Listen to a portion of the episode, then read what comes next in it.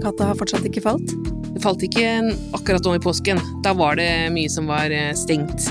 Så um, Men jeg tenker at innen neste påske Så det bør være gode muligheter. Ja. Altså neste påske, for vi pleier jo egentlig å være sammen i påsken. Det fikk vi på torpet. Ikke vært i år. Nei. Nei. Det er ikke lov å være eh, på besøk i Sverige. Det er ikke lov å dra over grensen knapt i det hele tatt. Med mindre man har tenkt å bruke to uker etterpå på å bo på et eller annet i mindre hyggelig hotell. Og spise tørre bagetter eh, levert til deg utafor døra som om du er i fengsel. Ja, så vi satser ikke på det. Nei. Men neste påske, da føler jeg at da blir det liksom Torp igjen, og da feirer vi et eller annet stort Da kan vi ha Patriarkatet faller-festival. På, på- Torpet. Ja. Det, Ja. ah, ja. Det blir en bra plan. Det blir bra. Men det har nå i hvert fall Verden har jo gått litt videre siden sist. Ja, jeg driver jo og samler på positive nyheter for tida. Eh, ikke så mange denne gangen, dessverre. Det har eh, stått litt stille. Men eh, New Zealand, vårt nye favorittland, mer eller mindre, vi har snakka om det før. Eh, de har jo en feministisk president, eh, eller statsminister, og det, går, eh, det er mye som skjer der. Men de har nå vedtatt at par som opplever spontanabort, eller dødfødsel etter eh, 20 uker, de skal få tre dagers betalt perm fra jobben, og det gjelder gjelder både mor og far, fordi man da anerkjenner at dette er en stor påkjennelse for begge.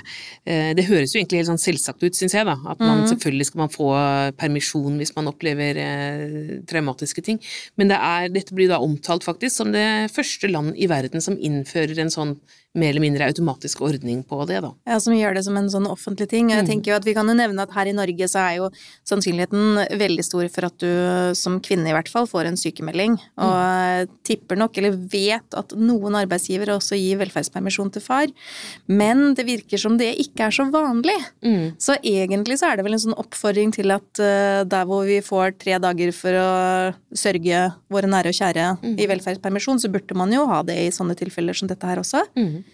Um, og så bare rett og slett for å anerkjenne den eh, store påkjennelsen som det er å gå igjennom en spontanabort. Det er jo en påkjennelse å gjennomføre provoserte aborter også. Ja, absolutt. Burde kanskje hatt litt fri da òg. ja, det kan jo, kan jo fort hende det. Mm. Men i hvert fall så er det vel også en oppfordring til at uh, igjen, vi må snakke mer om uh, både abort og spontanabort, og uh, for at dette skal komme på agendaen. Mm. Eh, la, og ikke, ikke eh, vær hemmelig hvis noe sånt skjer. Fortell folk. Ja, for det, man skal liksom eh, holde det hemmelig i tolv uker. Det er på en måte en sånn uskreven regel i Norge, fordi mm. du kan miste, og da det jo, ville det vært fryktelig hvis noen skulle vite at du faktisk har mista, så derfor så holder man Det er jo Det litt er veldig pussig regel, det der. Ja. Det er liksom, hvorfor skal du egentlig holde det hemmelig hvis du har spontanabortert?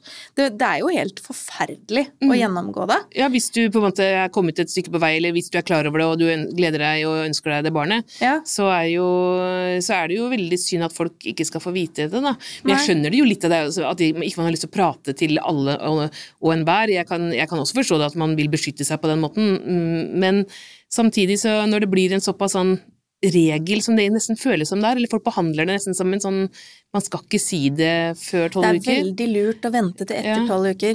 Men jeg, jeg syns egentlig vi skal gå i motsatt retning, jeg. Jeg syns at vi skal rope høyt at vi er kjempehappy for å være gravide når vi er gravide, om det så er i uke tre. Mm. Og så syns jeg at vi skal snakke mer om at eh, spontanaborter skjer, og at eh, det er absolutt lov å reagere både kroppslig og psykisk på en sånn påkjennelse. Noen går jo gjennom eh, spontanabort etter spontanabort, og det at vi liksom ikke har noe sosial aksept, egentlig, for å være åpen om det, er jo veldig trist i 2021. Mm. Og samme med, med ja, igjen provosert abort, da. Mm. Jeg eh, gjennomførte jo en abort når jeg var i midten av 20-åra en gang. Og da var det sånn, for det første så sa jeg det jo ikke til han fyren som var ansvarlig, eh, før lenge etterpå. Eh, og jeg sa det ikke til for- mora mi, som jeg er kjempeclose med. Og jeg, altså i Det hele tatt, det, det, det sitt- satt så innmari langt inne, selv for meg som prater egentlig om, om alt. da. Og, og, det, og det var jo egentlig Hvis man snakker om sånn skam og sånn, så har jeg alltid eller ja, Personlig så har jeg tenkt vel, Folk snakker så mye om skam, og så tenker jeg hvor er den skammen? Den er i hvert fall ikke hos meg, jeg kjenner den ikke. Jeg har alltid opplevd at jeg ikke går rundt og kjenner på det. Mm. Eh, men så når jeg nå, da, liksom eh, 15 eller 20 år etter er det vel blitt, eh, så ser tilbake, så ser jeg jo at det var mye av det som, eh, som Det er jo det som gjør at du ikke snakket om ja, det, Ja, Hvorfor sa jeg det ikke til mamma, liksom? ja. Hvorfor sa jeg det ikke til eh, Jeg sa det til to venninner, og det var jo Noe av grunnen var rett og slett den, hvor ufattelig ubehagelig opplevelse jeg hadde på Ullevål. Eh, eh, altså, jeg hadde, det var en venninne av meg, da, som var bare en venninne som har bil i gjengen, eller som hadde det, eh, og hun kjørte meg da til, for å, opp til eh, Ullevål.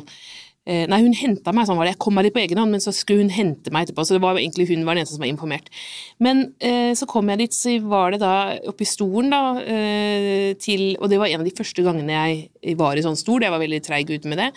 Eh, til en gammel lege, jeg syns han var gammel, han var sikkert i 50-60 år, jeg vet ikke. Han gammel har ha vært 35, for alt Eh, du vet, kan- men ja. ja, ja, men uansett. Opplevdes som gammel. Ja. Eh, og så var det da eh, Så får du da For de skulle liksom kikke eh, og sånn først, da. Og så et sånn spektrum, ikke sant? Spekulum. Spekulum, ja. ok. Spekulum. En sånn derre lang eh, metallgreie. Den var iskald og skikkelig ubehagelig, som da skal liksom spenne opp eller noe sånt, ikke sant? For Det er å- ganske mange som har vært hos gynekolog, kjenner jo godt til dette her. Nå Ja. har man jo etter hvert skjønt at det er lurere å ha sånne i plastikk. Ja, sånn er ikke liten Jeg har jo Ja. eh, en gynekolog nå, der er det sånn ja, litt nett, eh, som en tynn dildo, liksom, da. Ja. Eh, som Det er jo greit. Men her var det altså den der metalltingen som spente opp, og så driver han og grafser og holder på rundt der. Og så tar han da et, en sånn skjerm eh, som han da sier Ja, vil du se? Og så snur han den mot meg. For jeg skal, så jeg bare, vil ikke se, jeg har jo ikke så veldig lyst til å se, egentlig. Nei, men det var ikke noe valg, han snudde mot meg idet han sa det. Og så, og så kommer det en dame inn, en sånn eh, sykepleier eller noe sånt, som skulle, ha, som skulle ha noen signaturer på noe ark og sånn. Så da gikk han fra meg mens jeg lå med det spekulumet og den dingsen inni spekulumet, og den der skjermen som viste meg fosteret. I, i liksom, han brukte lang tid, mange minutter. Og så eh, til slutt så peip jeg liksom sånn bort der, for jeg bare, jeg bare Kan du eh, skru Nei, kan du eh, eh, ta ut den greia nå, vær så snill, sa jeg. Eller er du ferdig, liksom, så du kan ta den ut? Og så kommer han bort, og så sier han, ikke til meg, men til hun dama, ja, det er jo rart at de blir gravide når de er så følsomme.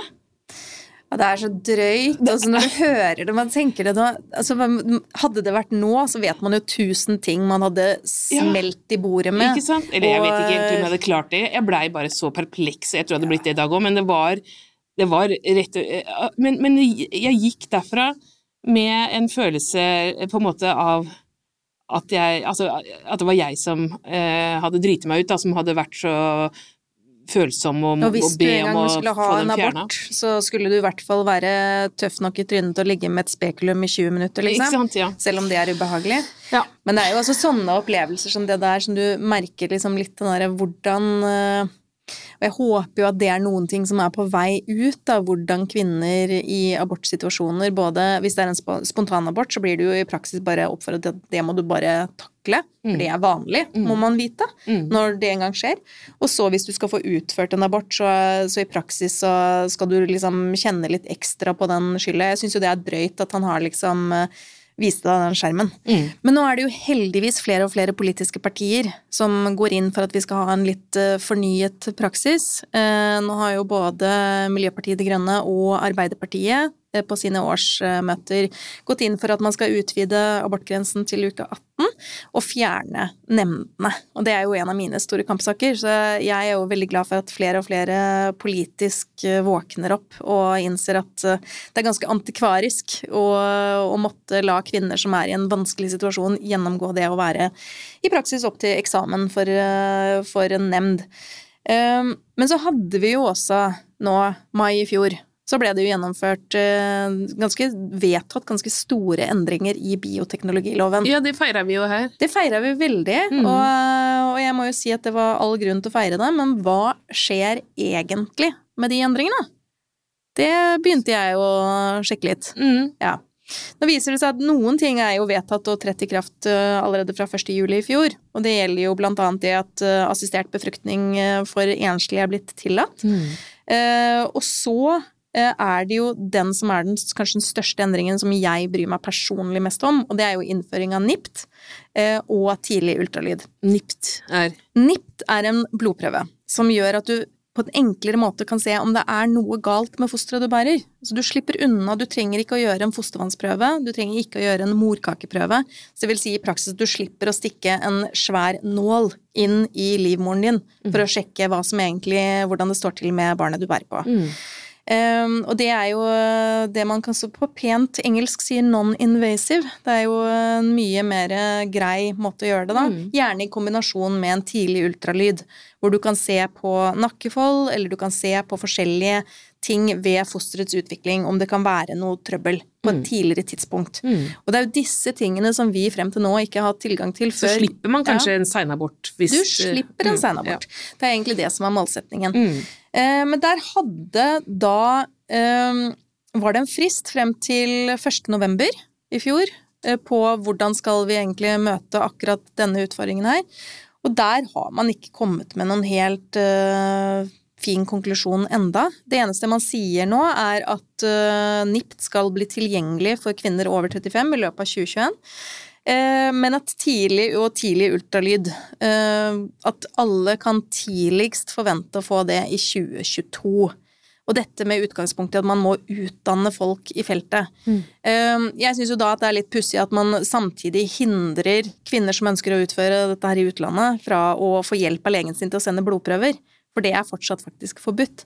Så jeg vil jo bare si skjerpings til Helse-Norge. Dette er vedtatt i Stortinget Mm. at det skal gjennomføres, og hvis man bruker utgangspunktet i at vi, vi har ikke nok opplæring ennå, da skal de i hvert fall få lov å hjelpe folk som har lyst til å få den hjelpen i utlandet. Mm. Det er Eh, trenering, liksom. Det er trenering, så, så det vil jeg bare si. Det gjør det til en kampsak, alle politiske partier til høsten, at uh, dette skal gjennomføres så fort som fy. Det kanskje noe mer eh, å melde? Positivt. Eh, Helst. Ja, helst noe Vi positivt. trenger det etter et sånt tema, så trenger vi noe litt positivt. Ja, ja. Eh, altså, du har jo sett denne Britney Spears-dokumentaren, antageligvis? Det har jeg. Ja. Nå, det går jo, altså den saken går jo liksom og ruller i mediene som nyhetssak også, fordi at eh, nå har jo da Britney Spears, 38 eh, år gammel, krevd å få faren sin kasta som personlig verge. Altså hun har krevd det sjøl nå, da. Så hun har jo, altså Tidligere har det jo vært sånne aktivister, sånn gamle fans og sånn, som har liksom drevet denne saken framover, mens nå er hun på en måte veldig på ballen sjøl. Hun, hun går til retten for å, for å bli et selvstendig menneske. Ja, og det er jo hun helt åpent, åpenbart. Hun har jo liksom både jobbet og kreert og vært aktiv i alle disse årene, selv under den perioden hvor hun har vært under vergemål. Mm. Helt frem til det punktet. Det er så utrolig fint der hvor hun i Las Vegas skal starte et helt nytt sånt show. Og beklager å si det, nå spoiler jeg, men hvor hun bare kommer ut, blir presentert, skal løftes opp på en scene, og så bare går hun. Ja. Det syns jeg var så strålende. Det er så statement at hun liksom bare sånn Nok er nok. Og så har hun jo Mm. etter det nekta å jobbe før hun får lov å faktisk bestemme over seg selv. Mm. Det er ganske Det er mye det er, Denne dokumentaren den er ikke verdens beste dokumentar, for det, det har blitt sagt uh, av flere også fordi den er ensidig og har ikke fått verken henne eller, eller eh, eller Jamie Spears, faren hennes, i tale eller noen ting, men, men samtidig så, så er det såpass mye, fordi det er så mye gamle klipp eh, fra jeg, husker, jeg husker veldig godt når Britney Spears slo igjennom, da var jeg på en måte helt i begynnelsen av 20-åra og fullstendig uinteressert selvfølgelig egentlig, Syns bare det var teit, og så husker jeg debatten rundt at hun var sånn overseksualisert og, og, Og skoleuniform og, skoleuniform og sånn. ja. Men selv om jeg på en måte også da var sånn feministisk orientert, så, så brød jeg meg ikke noe om det. Altså det var liksom en del av en popkultur som var sånn. Eh, vi hadde nettopp vært gjennom eh, Spice Girls-perioden, og der hadde det vært mye snakk om eh, liksom seksualisering av artister som retta seg mot småjenter og sånne ting, men Det var jo en periode hvor eh, magetoppene ble kortere og kortere, og mm. livet på buksa gikk lenger og lenger ned. Ja. Det var jo til slutt nesten så du måtte liksom barbere deg nedentil Ja, bare for å på, og, altså, på toppen av Ja, ja, ja. fordi de der Miss 60-buksene var liksom så utrolig lave.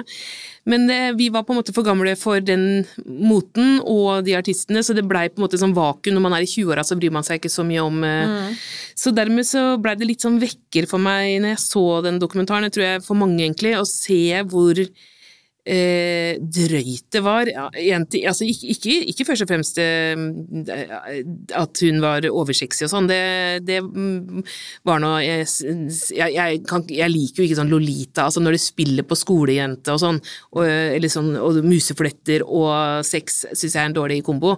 Eh, men eh, Men det, det hun veldig, ble utsatt for ja, i for det, jeg bare sier at akkurat det der Lolita ja. der, altså Det er jo en pornoestetikk som eh, i den videoen er ganske uskyldig, selvfølgelig selvfølgelig hun bare danser og er kul, men, eh, men, eh, og har liksom litt sexy blikk. Men i pornoen så er jo dette veldig vanlig, å ha sånn liten pike og skoleuniform og, og sånn, og det, det, mm. det, reagerer jeg jo på, det gjorde jeg den gangen òg. Men, men eh, som du sier, det som egentlig vi reagerer mest på når vi ser den nå, er hvordan folk behandla henne, mm. eh, og hvilke spørsmål hun fikk ja, av pressen. Hvordan eh, Altså, hva var det da? En sånn gammel gubbe som Hun var på scenen som ti år gammel. Mm. Eh, var på scenen og, og, ble da stående ved siden av da en gutt på sin egen alder, og så ble hun intervjuet av en mann som må ha vært i 60-årene. Mm og ble da stilt spørsmål om En sånn gammel Erik Bye-aktig figur, litt sånn ja, kjent uh, programledergubbe. Og da ble jeg liksom utsatt for det, eller bare ble spurt ja, hva med gutter, da? Har mm. du kjæreste? Har du kjæreste? Kunne jeg ha vært kjæresten din? Mm. Altså bare det at en mann på 60 stiller et sånt spørsmål til en tiåring, og så hun ser bare veldig sånn syns det, altså du ser Så kleint, liksom. Det er kleint og pussig, og hun prøver liksom bare å holde en tapper mine.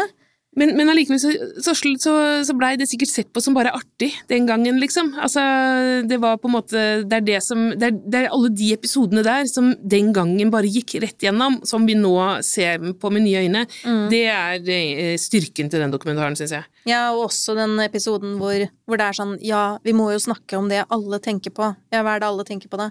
Puppene dine. Ja. Det var altså, en, også en gammel gubbe, og hun mm. var 15 år. Ja, ja da var hun ja, 15-16 og hadde mm. akkurat slått igjennom. Ja. Uh, helt uh, vilt. Nei. Men den ligger jo ute på NRK, uh, mm. og det er jo absolutt verdt å se på også hva hva det liksom, offentlige livet kan gjøre med noen ja, fra en sånn ung alder. Den, den tragiske siden der, og, ja. og veien fram til det sammenbruddet, og hvordan hun blir forfulgt og alt det der, er kjempeinteressant. Men, mm. men, men også som sånn tidsbildestudie. Og, og jeg, jeg, tenkte egentlig litt sånn på det samme som har skjedd med den Monica Lewinsky-historien. fordi at det var, også det, samme, det var jo det samme der, at vi, når det pågikk, Eh, og var, da var vi unge og vant til eh, at det var det som var tonen i media, så vi aksepterte på en måte framstillingen av henne som en slutt, liksom. For det var, ja, det var hun som var slutt, og så var det han som var presidenten, og det var litt kjipere enn at han skulle liksom bli impeached og sånn. Ja, det syns vi jo var ja. kjipt, da, for det, liksom, han hadde jo bare liksom tatt for seg litt altså, man, Jeg kjenner igjen at det, det var sånn det var, Jeg var med på Jeg var en av folket mm. som, oss, som syns liksom at herregud, da også den kjolen med sperm. Også, jeg, jeg, tenkte jo at hun har jo sikkert kasta seg etter den. Altså, man hadde den, det var mm. den måten hun ble framstilt på, og sånn, det aksepterte vi. Og så, vi, og så kom hun til orde sjøl for noen år siden og snur det hele opp, eh, altså, og, og, mm. får oss til å skamme oss, liksom. Som, og det, jeg føler at det, vi er der nå i kulturen på så mange måter at eh, år 2000 er så utrolig lenge siden. Det er forferdelig lenge siden. Vi skal bare, og hvor mye som har endra seg på den tida. Vi får mm. bare håpe at det fortsetter i en positiv retning. For en annen ting som var veldig stor uh, tilbake på den tida, og jeg tenker kanskje spesielt på sånn 80-90-tallet, eh, hvor jeg syns det var veldig veldig stort, missekonkurranser. Syns du det var veldig stort? Ja, nei, jeg syns ikke det var stort, men det var stort, for ja. det var overalt. Det var overalt, det var mainstream-kultur, liksom? Ja, altså du kunne ikke bli kåra til Frøken Norge uten at det var på forsiden av alle de store avisene, og det var en nyhetssak sikkert på NRK Nyhetene også, vil jeg tro. Ja, på hvert fall på lokalnyheter og litt sånn, og sikkert de store Ja, nå, var det en ting når Norge vant Miss eh, Mona Gruth vant. Grutt. Da ble, da ble, det jo på en måte Det var første gang det ble virkelig stort i Norge, tror jeg. Ja. Eller sånn, men Men selv før det. Mm. Det var jo liksom sånn derre Hvem er Miss Trøndelag? Hvem mm. er Altså sånne ting. Men det ser vi jo ingenting til nå. Nei, det er, det er, veldig lite fokus på de missene. De har på en måte falt igjennom. ja, det kan man si. Altså, grunnen til at jeg kom på dette her, var fordi at i påsken så rett og slett så jeg en film som heter Misbehavior. Mm. Har du hørt om den? Nei. Det var helt uventa, sånn typisk. Jeg ble sittende i sofaen hjemme, og alle hadde gått og lagt seg, og jeg var ikke trett ennå, så jeg begynte å surfe rundt, og så fant jeg denne Misbehavior, og hadde ikke noen store forventninger, det må jeg si. Og så var det en uventa underholdende, god historie mm. om Miss Universe, nei, Miss World, Miss World-konkurransen eh, som ble gjennomført i London i 1970. Og, det, var ikke Donald Trump Eide ikke han en av disse her? ja, han han var jo veldig involvert jeg tror han i eide Miss Universe eller Miss World, en av de. Han Miss- satt i hvert fall i alle sånne mulige jeg, tror han, slags ei- jeg tror det var mer enn det også, han eide det. Ja. Sånn at han kunne være med å sette de reglene for de damene, og de, han, de måtte liksom svare for han. Det var på det nivået der. Ja, for han satt jo i juryen. Mm. Det husker vi jo sånne bilder av at han sitter i juryen. Men i Miss Behavior så var han eh, 1970, da. Der var eh, Donald Trump fortsatt ikke inne i bildet. Mm. Eh, og da kan man jo lure på hva var det som var så spesielt med akkurat eh, Miss World 1970. Eh, og det viser seg at eh, denne miskonkurransen skulle gjennomføres i London. Og da var det en gruppe kvinneaktivister som fant ut at de skulle gjøre en stor aksjon mot denne miskonkurransen. Og de var ganske smarte, fordi at de rett og slett kjøpte masse billetter til eh, da inne i Royal Albert Hall, eh, og dressa seg opp og dro inn og greide å smugle med seg inn melbomber og plakater og alt. Melbomber, det er lite brukt i dag. Og det her var jo en stor sak, for det er jo en av de programmene som på den tida da, hadde flest seere rundt kloden. Mm. Sånn at de hadde jo sånn en milliard, tror jeg, seere på dette programmet, og det ble sendt live Mm. over hele verden. Og så greide de jo faktisk å gjennomføre aksjonen, og de kom seg ganske langt. De fikk et gitt signal hvor alle disse damene gikk bananas på samme tid og ropte slagord og kasta melbomber og kom seg opp på scenen og i det hele tatt. Og det, skal, det må også poengteres, det var aldri et angrep på kvinnene som deltok. Mm. Det var et angrep på selve institusjonen, eller det å ha liksom skjønnhetskonkurranser som var poenget deres. Mm. Og det å synliggjøre at eh, kvinnekropp ikke skal være eh, salgs. Mm. Eh, og, så, og den ble jo ganske morsom, men det er også verdt å merke seg at filmen òg er balansert på den måten at den viser òg til at i 1970 var eh, første året at det vant en farget eh, Miss World. Mm. Og hun het Jennifer Hosten. og Hun var Miss Granada. Så dette er egentlig dokument... Altså, dette, det er ikke dokumentar, men det er Det er riktig, er, det er, stemmer. For mm. jeg måtte også sjekke det. Mm. For jeg også fikk med meg det at ja, South America, altså, nei, Sør-Afrika, eh, også eh, ble, måtte sende en farget contestant, for ellers så fikk de ikke lov å være med. Mm. Det trodde jeg var bare tull. Eh, så der begynte jeg faktisk å google hva som stemmer. Mm. Eh, men det viser seg at ja, det stemmer. De ble tvunget til å sende, og da sendte de to deltakere fra Sør-Afrika. En som var eh, Miss South Africa, som var da eh, ifølge altså en av afrikansk eh, hvit person. Mm. Og så hadde de Miss Africa South, Wow. som da var en farget kvinne. Bytta om, liksom. Og det gjorde de fordi South de var redd Africa for at det skulle Africa være South. Ja, så det, sånn at man skulle kunne skille på de to. Det fikk de lov til, for ellers så var de redd for boikott. Mm. Eh, og det som jeg syns at filmen òg viser, er jo det at du har jo på den ene siden så fikk jo faktisk kvinnesaken eh, et oppsving fordi at man fikk vist seg frem for hele verden og hva den handlet om. Mm. Og det var et godt poeng. Men den viser også det at for disse kvinnene, noen av disse kvinnene som kommer fra deler av verden, så er kanskje en missekonkurranse den eneste måten du kan komme deg opp og frem og videre. Mm. Eh, Så, men la meg bare si det sånn, jeg syns kanskje den var litt enspora. Klassisk sånn uh, sinte feminister uh, som går løs på de pene, pene damene. Men den hadde Den var underholdende. Jeg syns det var en underholdende film. Det er jo noe som har skjedd i virkeligheten i mange land, det der, den typen aksjoner mot Men det der var kanskje den første, men de tok jo tråden opp i Norge også på det, og, og, og der var de jo eh, kanskje nesten enda smartere, syns jeg, fordi at eh, i Norge, kvinnefronten i Norge, de meldte jo på en av sine egne. Dette var i Trondheim i 78, tror jeg, og da eh, var det da eh, på et sånt diskotek en s- stor kåring av eh, For det var nemlig en turné hvor man reiste rundt, liksom Miss eh, Norway Tour. Så du skulle da, som du sier, det var store ting i lokalmiljøet, så da var det sånn at man reiste rundt i alle mulige lokalmiljøer og fikk eh, de unge skjønnhetene opp på scenen der. Og så i Trondheim hadde det da meldt seg på en jente fra kvinnefronten. Eva Fjelstad het hun da. Og hun vant. Eh, var jo vakker, da. Eh, og, og eh, det var 250 stykker i salen, og veldig sånn svært der òg. Og så og så gikk hun på scenen og holdt takketale, og det hun sier er på en måte Jeg mener at denne typen konkurranser er enormt kvinnediskriminerende eh, og et stort fesjå, og jeg anbefaler alle som sitter her å tenke grundig igjennom den ideologiske ideen bak. Eh, gå hjem, skam dere. Eh, det sa hun ikke. Men det var det hun mente. Ja. Og det var bare Og det, det, det funka jo, fordi at um, det blei jo skandale, selvfølgelig, og denne turneen fikk masse negativ øh, oppmerksomhet, og mange kvinner begynte å og gikk vel hjem og tenkte over det, da. Mm -hmm. Så det var ingen som Det blei ble ikke noe mer, den blei lagt ned, og Norge hadde ingen øh, finalist i den internasjonale konkurransen det året, da. På grunn av Nei, der kan man si at det kom noe godt ut av det. Men nå er det jo Jeg måtte jo også google og sjekke, det viser seg at det fins faktisk fortsatt Miss Norge. Mm. Og det er jo liksom da gått fra, fra, å være det som jeg opplever som en uh, Frøken Norge-konkurranse, til å bli en Frøken Influencer-konkurranse. Det er sånn steg på steg med du skal være flink i blogging, og du skal være flink i sosiale medier, og du skal være flink til ja, For de skal liksom vise at de er ikke bare vakre, de er nei, flinke nei, også? De er også flinke, de er også flinke til, å blogge. Til å blogge. ja.